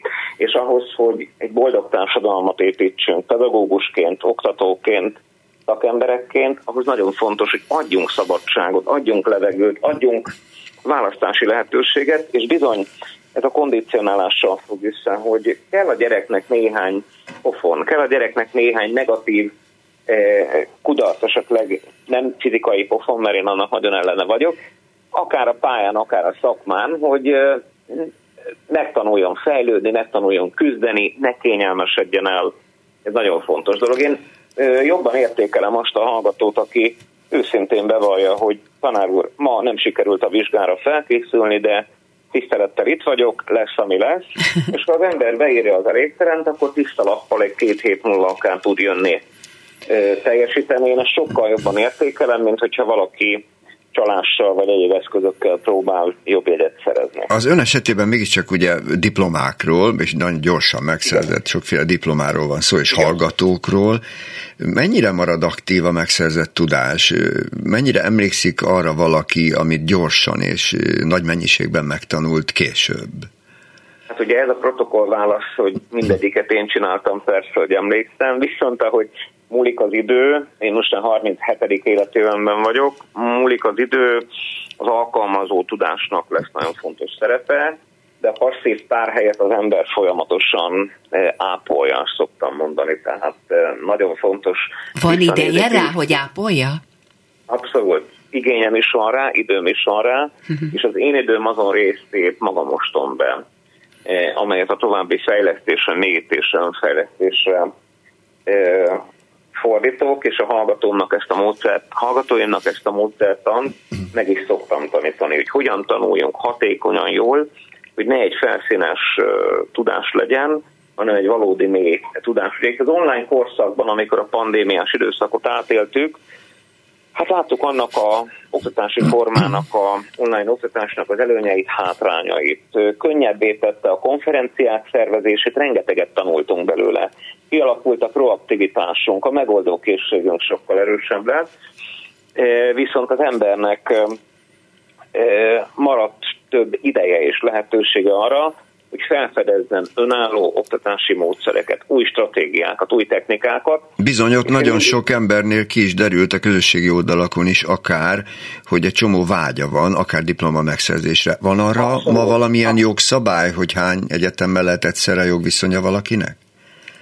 De nekem a leg több úgy volt, hogy kettő jogviszony volt egyszer, ugye önköltséges formában. Uh-huh. Nyilván 12 fél évet finanszíroz a magyar állam, tehát egy azon képzési ciklusban államilag finanszírozott férőhelye vagy hallgatói jogviszonya egy intézményben lehet, uh-huh. mellette kredit teljesítéssel akár lehet több költségtérítéses képzést tehát ez, ez csak a kapacitáson múlik, illetve a lehetőségeken. Abszolút, abszolút a uh-huh. szervezésen, ugye nagyon sok minden van. Egyéni tanrend, nekem is az előző diplomáimból nagyon sok minden beszámítottak hozott tudásértékként, és én ezért tartom jónak, hasznosnak és fontosnak a kreditrendszert. Igen. Mert a kreditrendszer egyértelműen világosan egy transzparenciát jelent a mindenkori felsőoktatási intézménynek, hogy mi az a hozott tudás, amit már uh-huh. elismerünk, ez rövidítheti a képzési időt, és én ezt elég racionálisan és emotíve is megterveztem. Tehát neked egy tudatos tervezés volt, ugye a hatodikig, utána pedig már elkapott a hét. Volt lehetőségem, én amikor mellékállásom is volt. Ja, dolgozott is közben természetesen. Természetesen, tehát én tíz éve vagyok a magyar felsőoktatásban, sok évig a köznevelésben dolgoztam, illetve a piacon tréningeket és coachingot uh-huh. terveztem, tartottam nagyon-nagyon sok évig. Mai napig is ez ugye mellette megvan, de a főállás most a, az egyetem. A Nyíregyházi Egyetem központvezető egyetemi oktatója vagyok, emellett nagyon büszke vagyok arra, hogy a Miskolci Egyetemen is tíz éve vendégoktatóként számítanak a munkámra. Ez egy szemeszterben négy pénteket jelent, a Politikatudományi Intézetben, most már alkalmazott Társadalomtudományok Intézete, illetve egy külföldi egyetemen, egy online képzésben is részt veszek vendégoktatóként egy éve. A Varsói Management Egyetem, ami az egyik legnépszerűbb egyetem volt a saját országában, nemzetközi porondon és ott van a menedzsment képzésben. Tehát ezek mind-mind fontos impulzusok, és nem jelentős dolgok az életemben. És mint ilyesfajta nagy látószögű, vagy, vagy nagy tudásra, széles tudásra szertett ember foglalkozik kvízjátékokkal, vagy ezzel a szórakoztató részével ennek a nagy tudásnak? Mármint, hogy uh, hogyan lehet ezt gamifikálni, vagy... Igen, ez is érdekel, vagy részt vette benne egyáltalán, vagy társaságban ő, tekintik-e ezt a különös képességet, vagy szóba esik-e, hogy, hogy vajon mit tud egy ilyen nagy kapacitás? Természetesen, hát ugye erre jók a kompetenciafejlesztő tréningek, ami az egyik kedvenc, hát szoktam mondani, műfajom. Ott alakul egy versenyhelyzet is a résztvevő aktorok között, uh-huh. és akkor én ott játékos vagyok, meg és én borzasztóan el tudom ismerni azokat az embereket, akik ki tudják jelölni a saját határaikat, hogy mi az, amit nem tudnak, mi az, amit nagyon tudnak, nekem ez nem egy verseny, hogy most úristen, akkor én minden tudás nagy egyeteme vagyok, mert annál azért én mérsékeltebb, visszafogottabb fiatalember voltam világéletemben. Én el szoktam mondani, mert ezt sokan csodának tartsák, hogy valaki egy sportteljesítményben, valaki egy egyén élethelyzet megélésében hozzá ezt az eredményt, mint én. Én ezt az utat, ezt az irányt választottam, és megmondom őszintén, a, amikor felfigyeltek először a mennyiségre, illetve a sebességre, mert mennyiség rekorder már van az országban, az nem vagyok, ő, a Kapus Krisztián, neki 24 ö, oklevele van, én pedig a sebesség, de hát ő már 53 éves, én pedig ugye a sebesség rekorder voltam, hogy ez gyorsan. Ez nem azt jelenti, hogy ez a tudás kisebb rendű, mint bárki, vagy, vagy ez a gyorsabban megszerzett, ez olyan. Azt szoktam mondani, akik esetleg a zsűrin kívül vannak, hogy be lehet lépni ebbe a 44-es lábbelébe, és lehet utánam csinálni, hogyha szeretnék. Ez nagyon sok töltődéssel, de bizonyos dolgokról való lemondással is együtt járt. Ugye nagyon szeretem a közéletet szemlélni, tájékozni, nagyon-nagyon szeretek túrázni, nagyon itt vagyok ugye a Tisza mentén, nagyon-nagyon szeretem a folyót annak minden színével, izével, érzésvilágával, és hát bizony, amikor másnap több lehetősége volt a szabadban lenni, túrázni, szórakozni, akkor én vizsgákra mentem, rengeteget utaztam. Hát köszönjük szépen, sajnos elfogyott az időnk, még Igen. tudnánk erről beszélni sokat. Még egyszer gratulálunk, és köszönjük, hogy Köszönjük a szépen Körei Lászlónak, hogy... Az ötös. Jó napot a kedves hallgatóknak és a kedves rekordereknek, akikkel a mai műsorban foglalkozunk. Kubinka János van a vonalban, ha igaz. Halló?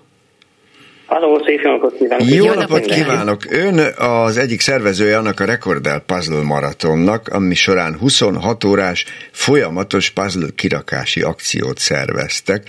A 26 óra alatt a kísérletben részt vett 136 játékos, összesen 141 képet állítottak össze, és ehhez 105.070 darab puzzle elemet használtak fel. Jól mondtam? Igen, így van. Megmaradtak ezek? Legalábbis egy része a képeknek, vagy azonnal szét is szedték? Hogy van ilyenkor?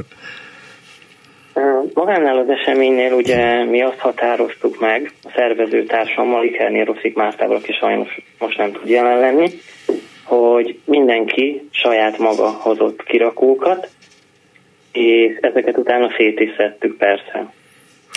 Bihari Rékától kérdeztem, ők csömörön szerveztek maratoni felolvasást. Az egy picit könnyebb, mert olvasni mindenki tud, de a puzzle nincs mindenkinek türelme, hogy önök hogy találtak ennyi embert, hogy jöjjenek puzzlezni?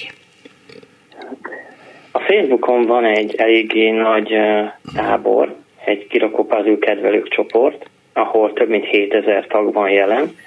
Mi ugye szerveztünk már előtte egy-két eseményt, amiről majd később beszélek is, és amikor azt láttuk, hogy tényleg elég nagy ez a tábor, akkor létrehoztunk egy saját zárt csoportot, ez a puzzle versenyek, mókázások, események, és itt osztottuk meg ugye ezeket az információkat, itt tettünk úgymond egy felhívást a játékosok felé, ki szeretne részt venni. Uh-huh. Tehát akkor ez nem azt jelentette, hogy egy, egy, egy faluból, egy kisvárosból vártak ennyi embert, hanem gyakorlatilag országos szintű lett. Így van, igen. Tehát az ország majdnem minden területéről érkeznek. Albert írtsa a fő helyszín, itt mhm. szervezzük ezeket az uh-huh. eseményeket. A gyorsan, a, még itt az elején tisztázzuk, hogy ennek az őrületnek mi is a, a, az igazán üdvös lelki alapja. Én elárulom, hogy nagyon komoly személyes kötődésem van hozzá, otthon 5-600 doboz van ebből a játékból, és feleségem elég szenvedélyes ebben, és marha sokáig nem tudott rávenni, én egy türelmetlen ember vagyok. De aztán láttam, hogy bizonyos időszakokban nekem is jót tesz. Szóval hogy is van ez a lelki motiváció? Uh, igazából ha szépen akarjuk ezt megfogalmazni, azt mondanám, hogy majdnem minden játékosban, akik eljönnek tényleg egy ilyen eseményre, vagy, vagy már nagyon fanatikus, azokban az összetartó erő tényleg ez a kirakózás iránti szerelem. De ez akkor a szerelem, aminek főzni lehetne a lángyán. Igazából nagyon fontos azt is megemlíteni, hogy tényleg igazából terápiás hatása is vannak ezeknek a kirakózásnak is, uh-huh. mert annyira feltöltött az életünk, hogy, hogy nehéz már leülni és egy kicsit lelassulni, de az ismerősi körömben ismerek jó néhány introvertált játékost, aki amióta mondjuk eljött az első eseményre, azóta sokat nyitott a világ és más emberek felé. Tényleg nagyon kedves, barátságos, összetartó közösség a puzzle kedvelők tábora is sokunkat teljesen ki tud kapcsolni ez a kirakózás. Ó, tehát nem csak arról van szó, hogy az ember mentálisan egy kis karbantartást végez egyedül, hanem itt a közösség a lényeg önöknél. Így van. Nekünk ugye az is lenne a fő célunk, hogy minél jobban tudjuk népszerűsíteni ezt a tevékenységet. Igazából három eseményt szoktunk szervezni évente Mártival. Az egyik az egy puzzle móka, elég mókás a neve is, és maga az esemény is, Móka Parti névre hallgat. Ez egy saját ötlet alapján valósult meg, minden játékos hoz magával egy 500 darabos kirakót, leülnek az asztalhoz, és kezdés után 10 percenként arrébb ülnek, mint egy rapid shock partin például. Tényleg izgalmas, mert egy újabb kirakó tárul a szemük elé, nem tudják, hogy mivel fognak a következő átülésnél találkozni. Változatos és igazán izgalmas. A maraton, amiről ugye most beszélünk, viszont a legfőbb eseményünk az egy puzzle verseny. Itt van egyéni, páros és csapatkategória, hasonlóan, mint a spanyol világbajnokságon. Erre szoktak a legtöbben jelentkezni. Amit azért még fontosnak tartok megemlíteni, hogy Márti is mögöttem nem áll sem szervezet, vagy állandó szponzor, igyekszünk mi támogatókat keresni, de tényleg ez a legfőbb cél, hogy minél népszerűbb legyen ez a tevékenység, minél több emberhez eljusson. És ez Albert Irsán ugyanúgy? Így van, igen, igen, mindegy tevékenység Albert Irsán, vagy mindegyik esemény. Ilyenkor, hogy, hogy történik, hogy mindenki hoz magával, tehát például egy versenynél mindenki hozza a saját puzzle készletét, vagy, vagy ott kapnak vadi újat, és aztán ott valódi verseny lesz, hiszen nem tudják, hogy mire számíthatnak. Így van. Igazából egyedül a, a Móka Parti és a maraton volt olyan esemény, ahol mindenki hozta a saját kirakóját.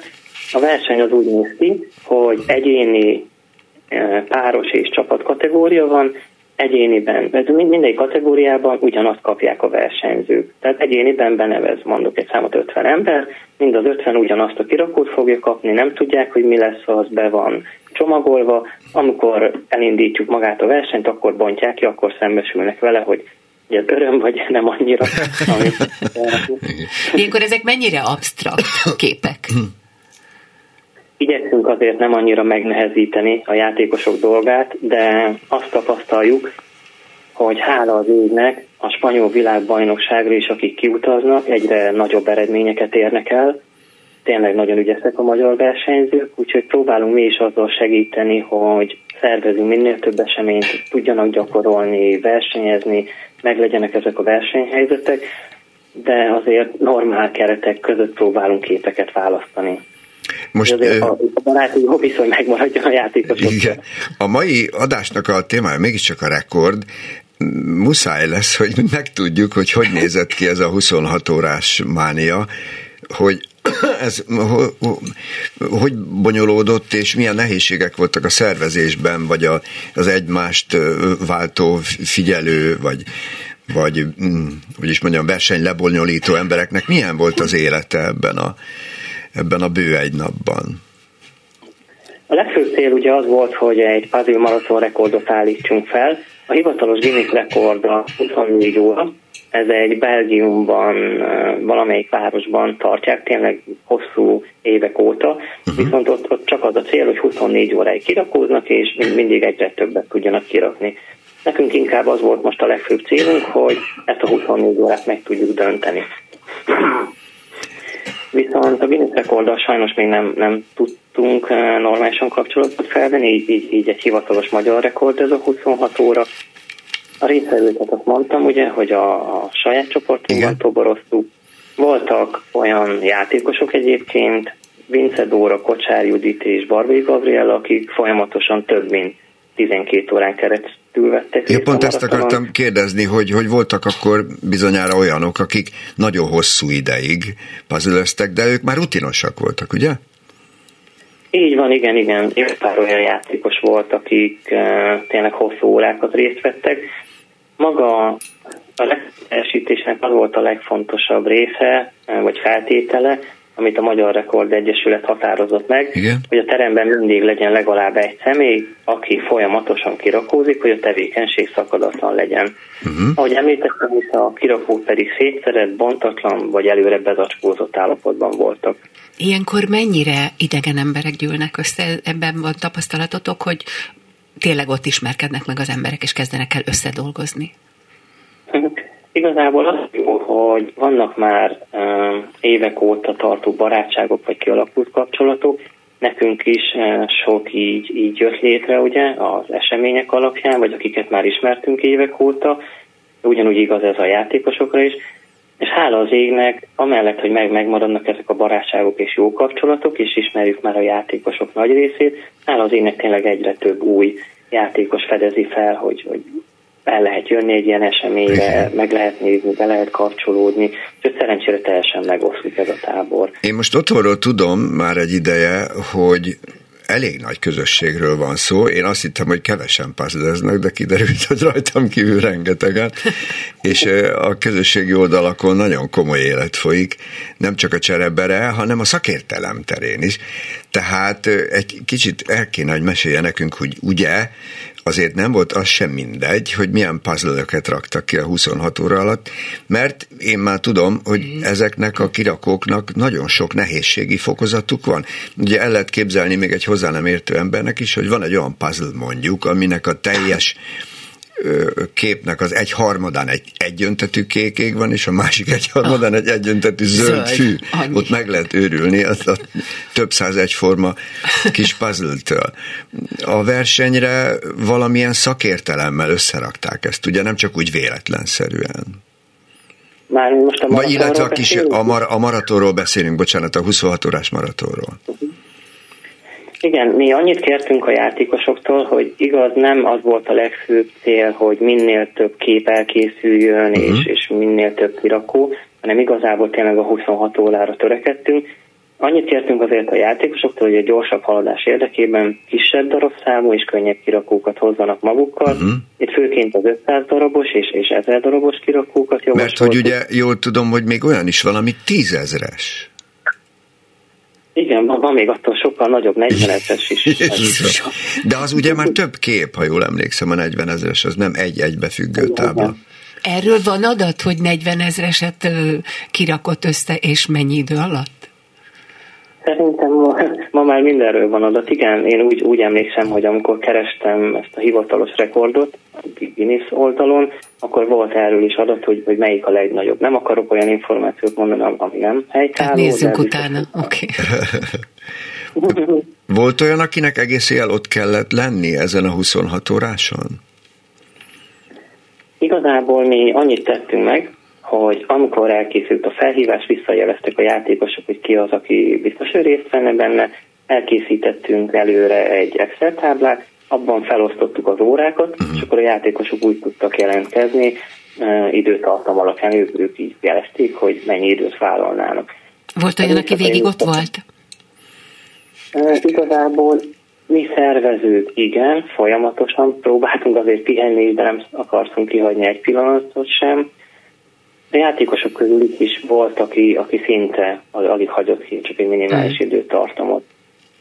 Ugye voltak, felügyel, voltak felügyelők is, ezt is kérte ugye a Magyar Rekord Egyesület. Uh-huh. Ők négy órás időtartamban váltották egymást, és utána, jól emlékszem, nyolc órát pihentek. Utána újra lehetett négy órát felügyelni, de szükséges volt nyolc óra pihenés. És ilyenkor van még, még egy közösségépítő vonulata ennek az egész rendezvénynek, hogy valaki étellel, itallal ellátja a versenyzőket? Igen, igen, igen. Mi azért Mártival próbálunk tényleg arra törekedni, hogy minél több jó érzést adjunk, vagy, vagy nem is tudom mi a legjobb szó erre a játékosoknak, él, élmény nyújtsunk nekik, és, és próbáltunk arra törekedni, hogy azért ez a minimum, amit, amit tudunk nekik adni. Azt érdekelne még engem, hogy volt valamilyen feltételhez kötve, hogy befejezett puzzle legyenek, vagy csak a folyamatos puzzle volt a cél. És amikor véget ért a dolog, nem tudom ez hogy ért véget, vagy mitől ért véget 26 óra után, akkor befejezték-e a félbe maradt táblákat vajon? Ha jól emlékszem, a legvégén egy-kettő puzzle maradt csupán, amit nem sikerült befejezni. Aha. Mi jeleztük is így a játékosoknak, hogy próbáljanak arra törekedni, hogy az utolsó egy-két órában már ilyen nagyobb darabszámúban ne kezdjenek bele, uh-huh. hanem hogy tényleg minél többet be tudjunk fejezni. Mi annyit tettünk meg, hogy előre legyártottunk kisebb lapokat, amin rajta volt a kirakó neve, márkája, darabszáma, a játékosok neve, akik ezt készítették, uh-huh. amint elkészült egy kirakó, őket odahozták, mi feldolgoztuk és akkor így a legvégén már láttunk pontos adatokat, amiket meg tudtunk osztani az Egyesület elnökével, amikor elkészült egy kirakó, mi azt lefotóztuk, dokumentáltuk, ők pedig visszarakták a dobozba. És mondta, mondta hogy, hogy, hogy nem kellett befejezni, de, de akkor mi nem tartott még tovább a verseny, és akkor Igen, még... Mitől lett vége hirtelen? Még döntöttetek volna rekordot. A következő évre akkor jobban ki tudunk jelölni egy újabb rekordot, amit megdöntünk. értem, értem. Tehát nagyon nem érdemes túlugrani a rekordot, mert akkor a következő rekordkísérlet reménytelen lesz. Volt egy, egy nagyon híres orosz rudugró, aki ezzel sokat játszott, és rengeteg pénzt keresett, hogy mindig csak két centivel rakta följebb a lécet, hogy újabb rekordot tudjon ugrani pénzért. De hát nyilván ez nem ilyen önző módon működik. Volt már egy társasjátékkal foglalkozó adásunk, és hát a puzzle különösen igaz, főleg most, hogy ilyen rohanásban vagyunk, hogy le kell lassulni ebben, de én úgy látom, hogy nem csak lassulás van, hanem gyorsulás is, mert eszeveszhet komoly cserebere folyik a neten. Ugye ez egy olyan közösség, aki kirakja, akar egy másikat, aztán gyorsan továbbadja. Ez bizonyára azért felépített egy, egy, egy olyan üzleti készséget, ami a játékosokra eddig nem volt jellemző. Hogy látja ezt? Igen, igazából, ha nem is szokták kérni, de, de nagyon jó esik a játékosoknak, hogyha ezeken az eseményeken tartunk egy puzzle bőrzét. Na erre gondoltam én is, hogy biztos volt ilyen. Igen, ez úgy, úgy néz ki, hogy minden egyes játékos hozhat kirakót magával, uh-huh. ráírja az információkat teljes, hiánytalan, milyen Igen. állapotban van, mennyi az ára, és akkor ők így csereberélnek, vagy, vagy meg, meg hmm. tudják venni egymástól. Ez jó, mert, mert tényleg lehet cserélni, és gyorsan változik a készlet. Hogy kezdődött önöknél? A puzzle mánia indította el, hogy pont a puzzle-ben szerettek volna maraton dönteni? Nincs más vágya? Például így rekordra? Mert az kiderült, hogy a közösségépítés az fontos önöknek. Így van, igen, igen, igen. Ez, ez a legfontosabb, ami így, így mögöttünk áll. Igazából nekem is gyermekkoromban kezdődött ez a, kirakózás, utána hosszú évek kimaradtak, de később ismét visszatértem. Áll az égnek, amikor Mátyval találkoztam, abszolút egyeztek ezek az ötletek és az irányvonal. Az első ilyen esemény tavaly, a, a legelső ez a Móka Parti volt, és akkor láttuk, hogy tényleg mennyi embert meg lehet mozgatni. Akkor jött a verseny ötlete, az hála az évnek nagyon népszerű volt, és, és jól sikerült és akkor jött ez az ötlet, hogy, hogy mi lehetne a harmadik, ami, ami nem hasonló ezekhez, és akkor találtuk a maratont. Nem, nekem a mániám az éneklés, a közös éneklés, és 2010-ben szerveztem, egy előadásunk végén 5000-en énekeltünk együtt. És akkor még nem volt a rekordfelállítás, tehát igen, ami, aminek nincs nyoma, az nincs, úgyhogy egy előadásban ez létrejött, de sajnos nem lett ilyen nyoma, mint önöknek, vagy a mai, mai jól regisztrált ügyeknek, úgyhogy sajnálom, össze kell ezt megint hoznom. Igen. Igen, csak azért, azért is kérdezem, hogy van-e más vágyuk, vagy akkor önök a, a puzzle-t forszírozzák? Igazából nekem még egy másik szenvedélyem a futás, de abban nem szeretnék rekordokat De fut ja. egyébként?